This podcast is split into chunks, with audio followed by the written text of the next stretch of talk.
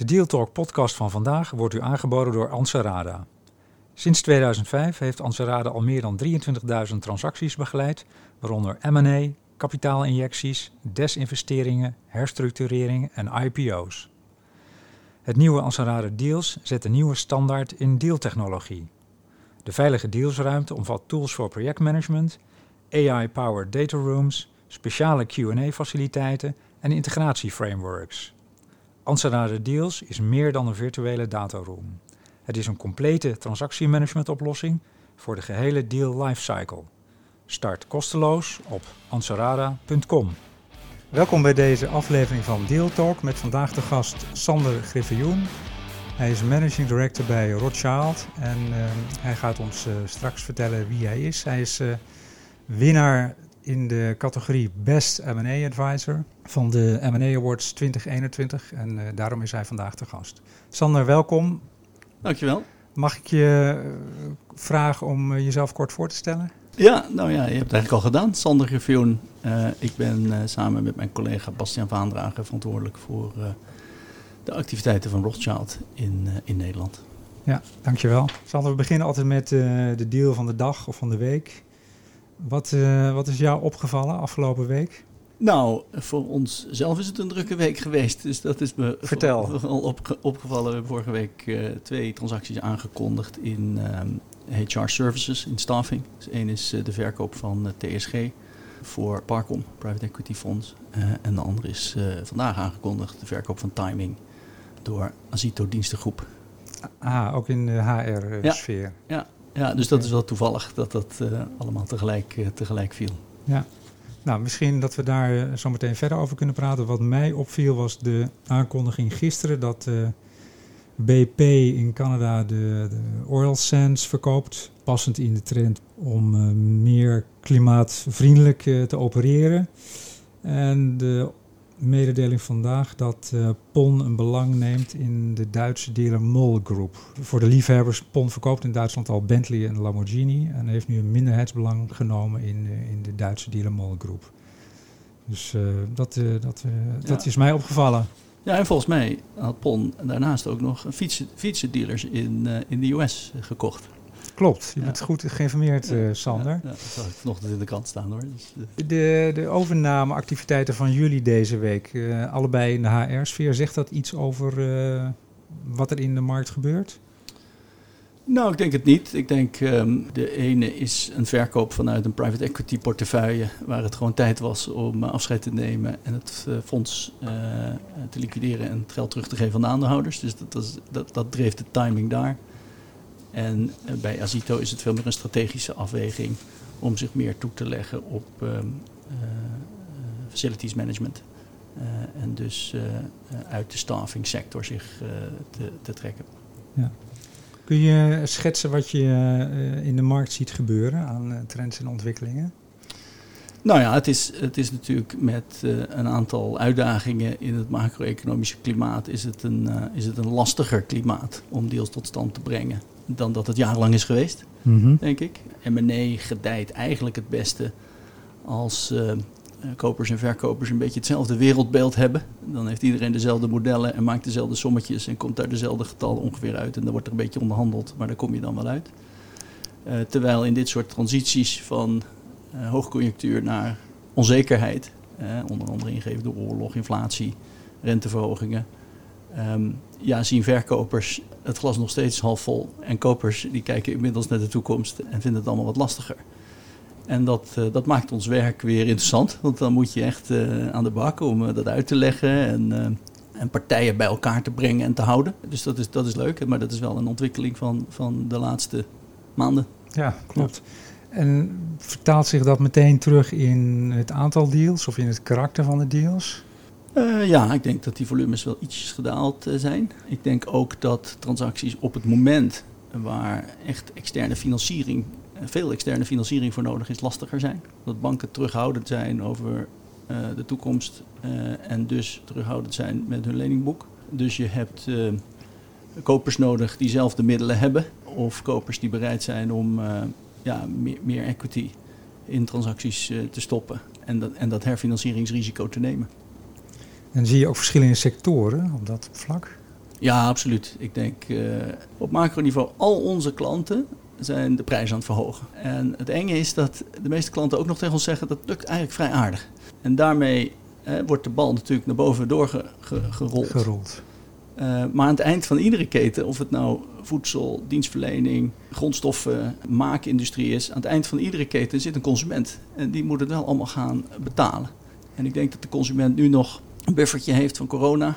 Die is nog, uh, hè, toen konden we niet op vakantie, hebben kunnen sparen. In september, oktober uh, loopt het nieuwe energiecontract in werking. En gaan mensen pas echt voelen dat die prijsverhogingen eraan komen. En dit is een lange introductie naar jouw vraag Um, ik denk dat de sectoren die afhankelijk zijn van een consument in producten die ja, discretionair van aard zijn, dus de nice to haves, mm dat daar het wat moeilijker zal worden dan uh, basisdingen die iedereen nodig heeft en die je gewoon voor je day-to-day nodig hebt. Dus, dus dat, dat, dat is aan de consumerkant. En verder zijn er sectoren die, die gewoon nog structureel en fundamenteel lekker groeien. Software, infrastructuur, healthcare is een hele grote sector voor ons.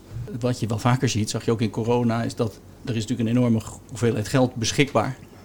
Ja. Um, en diezelfde hoeveelheid geld die gaat nu ineens naar een kleinere opportunity set. Dus er zijn allerlei bedrijven die ze niet meer willen kopen. Dat zorgt ervoor dat waarderingen en enthousiasme voor bedrijven die wel in de goede hoek zitten, natuurlijk alleen maar toeneemt. Ja, je zag uh, een half jaar geleden nog heel sterk veel dealdynamiek in, uh, in de energietransitiesfeer aangedreven door de, de ambities van, uh, van Brussel, de Green Deal. Zie je dat nog steeds gebeuren? Ja, ik denk dat, if anything, de geopolitieke omstandigheden nu uh, vergrootglas hebben gelegd op uh, hoe we aan onze energie komen. En dat heeft denk ik voor in de energietransitie een versnelling gezorgd. En ook, eerlijk gezegd, je refereerde net aan de BP-deal, een nieuw licht geworpen op traditionele eh, vormen van energievoorziening. En je ziet het ook, want de kolencentrales moeten weer open, Groningen moet weer open. Um, Shell-koers is ook verdrievoudigd. Dus beleggers zijn ook wel weer zich heel erg bewust geworden wat het belang is van energie voor de samenleving. Dat zorgt ervoor dat nu op dit moment zowel traditioneel als groene energie met open armen ontvangen wordt. We zagen uh, een half jaar geleden ongeveer ook de, de opkomst van, van private equity in, in de M&A-wereld. Is dat een, een trend die zich voortzet? Ja, dat denk ik wel. Ja, ik denk dat private equity als model, zowel voor ondernemers als voor investeerders, zich echt wel bewezen heeft in de loop der jaren. Dat was natuurlijk in het begin een beetje een rouwrandje aan. En er zijn natuurlijk ook wel dingen, met name in de media destijds ook nog eens een keer gebeurd, waardoor dat en uitvergroot, uh, en uitvergroot is. Precies. Maar het model heeft zich bewezen uh, en, en is ook, uh, vind ik tenminste, fundamenteel wel verklaarbaar waarom dat succesvol is. Private equity koopt bedrijven en heeft controle, kan ingrijpen. En als je dat vergelijkt met het kopen van een aandeel op de beurs, het enige recht wat je hebt als kleine aandeelhouder is om te verkopen en te stemmen met je voeten. Maar je kunt niks doen. Je kunt niet eraan zitten of aan de knoppen zitten. En wat je niet hebt bij private equity is liquiditeit. Dus je kunt niet morgen eruit. Maar je kunt wel de timing van je exit goed bepalen. Uh, en ondertussen heb je best wel grip op de operatie kun je, kun je hebben. Je bent binnen grenzen en natuurlijk altijd een goede verdeling tussen het private equity huis en het management. Uh, maar als het misgaat kun je ingrijpen. En uh, ik denk dat dat ja, de superieure rendementen verklaart over de afgelopen jaren. Het is wel zo dat er heel veel geld nu naartoe is gegaan. Uh, dus of die rendementen ook zo, zo hoog blijven, vraag ik me af. Maar ik denk wel dat ze altijd superieur zullen zijn aan returns op de, op de publieke markt. En, en gelden die, uh, die, uh, die karakteristieken van private equity ook voor venture capital? Ja, ik denk, ik denk alleen dat venture capital is natuurlijk per definitie wat opportunistischer of zien, zien, zien kansen en plaatsen. Nou, opportunistisch ja, ja. is misschien niet het goede woord. Ze, zij plaatsen ik denk niet opportunistisch. Ik denk wel degelijk dat er goed over nagedacht wordt. Maar ze plaatsen meerdere bets in de wetenschap dat er gewoon een aantal niet ja. goed gaan, een aantal wel. Eens. En ik denk dat dat spel wel meer conjunctuurgevoelig is dan het private equity model. Uh, omdat VC-geld en inflows in de venture capital community heel groot zijn geweest, ook door gebrek aan alternatieven en gratis geld, om het zo maar te zeggen. En ik kan me voorstellen dat, en dat zie je nu ook met name dat techbedrijven natuurlijk die helemaal geen winst hebben gemaakt de afgelopen jaren, nu juist met die renteverhogingen onder druk komen te staan. Uh, ik denk dat daar nog wel kans is dat die liquiditeit even wat opdracht. Het zal ongetwijfeld weer terugkomen als het geld weer vloeit, maar dat lijkt mij uh, kwetsbaarder. We hebben een tijd geleden ook de populariteit van de specs uh, gezien. Voor zover ik het kan overzien, is het op, dat, op vlak een beetje rustiger dan, dan even geleden. Zie je dat ook zo? Ja, uh, duidelijk. Kijk, die specs ook, ook daar weer zijn opgehaald in een periode dat er zoveel geld was en zo weinig opportunity. En dat beleggers hun, geld hebben toevertrouwd aan teams uh, die claimden dat goed aan het werk te kunnen zetten. In de hoop dat dat ook gebeurde. Dat heeft maar in een zeer beperkt aantal situaties echt tot transacties geleid op dit moment. Een daarvan is natuurlijk uh, Azerion geweest hier in Nederland. Daar hebben wij de verkoop voor mogen doen. Kun je, kun je even toelichten wat voor soort uh, bedrijf uh, dat is, Azerion? Ja, dat is een, een, een, een online gaming en advertising bedrijf. Ja. En, maar, maar, maar die specbeleggers die hebben dus hun geld toevertrouwd aan, aan een aantal van die spec management teams, sponsors. En je ziet dat als er geen transactie gedaan wordt en de markten gaan allemaal heel hard naar beneden, uh, dan is het uh, ook binnen de documentatie van zo'n SPAC uh, volstrekt legitiem om dat geld gewoon weer terug te krijgen. Ja.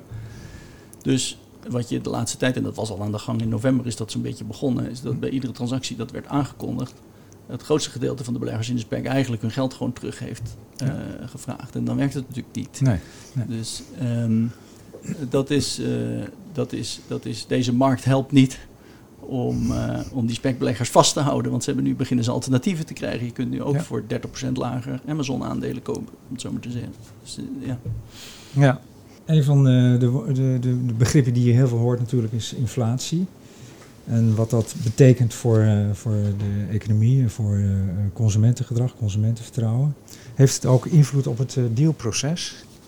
Nou, het heeft in ieder geval invloed op uh, het type bedrijven waar uh, enthousiasme voor is en waar minder enthousiasme voor is. Waar, Kun je dat toelichten? Ja, waar, waar een vergrootglas op ligt in M&A op dit moment door de inflatie is um, de mogelijkheid van het bedrijf wat al dan niet verkocht wordt om prijsverhogingen door te voeren aan klanten. Als ze, en dat komt tot uiting uiteindelijk in de in de marge die bedrijven maken. Als je een hoge marge hebt, dan ben je dus kennelijk in staat om um, meer te vragen voor je product dan dat je betaalt voor je ja. grondstoffen. En ja, als jij heel flinterdunne marges hebt, dan ben je dus kwetsbaar voor inflatie. Want als die grondstofprijzen omhoog gaan, ja, er is niet zo heel veel ruimte. En kennelijk kunnen jouw klanten de druk gewoon op je houden om jouw prijzen niet te verhogen. En dat, uh, dat zijn de, de, de hoeken waar ja, beleggers nu wel, beleggers en, en, en ook uh, private equity partijen die overwegen te kopen, um, op gefocust zijn. Hoe zie je de tweede helft van 2022 uh, voor je? Wat, wat zijn je verwachtingen? Je moet natuurlijk altijd positief eindigen, zoiets. Maar um, ik denk dat het, ik denk dat het uh, aan de consumentenkant ingewikkeld wordt. Um, ik denk dat er sectoren zijn die het heel goed blijven doen. Zoals? healthcare, software, uh, technology, hosting, ja, dat soort, dat soort bedrijven, business to business met hoge marges, die, die, zullen, het, die zullen het goed ja. blijven doen. En tegelijkertijd, weet je, dit, dit moet zich ook weer zetten. Hoop hangt natuurlijk af van de grote, de grote vraagstukken op dit moment zijn uh, Rusland, Chinese lockdowns, waardoor we supply chain issues hebben en inflatie. Die drie thema's die bepalen eigenlijk de rente en daar, aan dat laatste punt gekoppeld. Natuurlijk wat, wat, wat, de centrale banken doen met de rente. Dat moet zich gaan zetten. Dat gaat ongetwijfeld een keer weer uh, gebeuren.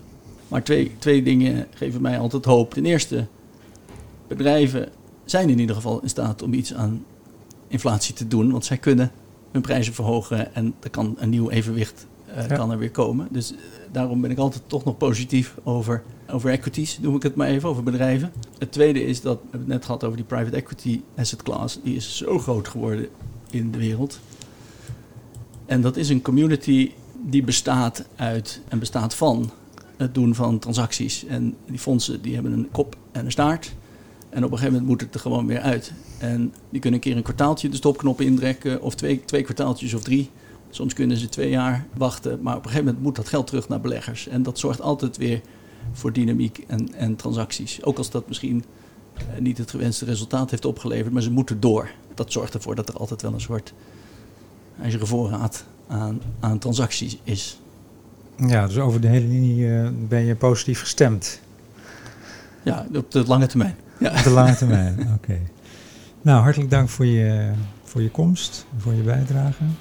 En, leuk om eh, te doen. Dank voor de wij, wij spreken elkaar over een jaar misschien wel weer. Wie weet. Dankjewel. Dankjewel. U heeft geluisterd naar Deal Talk. De Deal Talk podcast van vandaag wordt u aangeboden door Anserada. Anserada Deals is meer dan een virtuele dataroom. Het is een complete transactiemanagement oplossing voor de gehele deal lifecycle. Start kosteloos op ansarada.com.